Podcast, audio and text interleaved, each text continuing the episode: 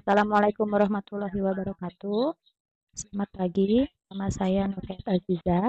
Pagi ini kita akan membahas tentang materi hukum Newton. Di episode sebelumnya kita sudah membahas tentang materi gaya dan gerak. Nah, di materi sekarang kita akan membahas materi hukum Newton, yaitu materi uh, hukum Newton terbagi menjadi tiga, yaitu hukum Newton satu, hukum Newton dua, dan hukum Newton ketiga.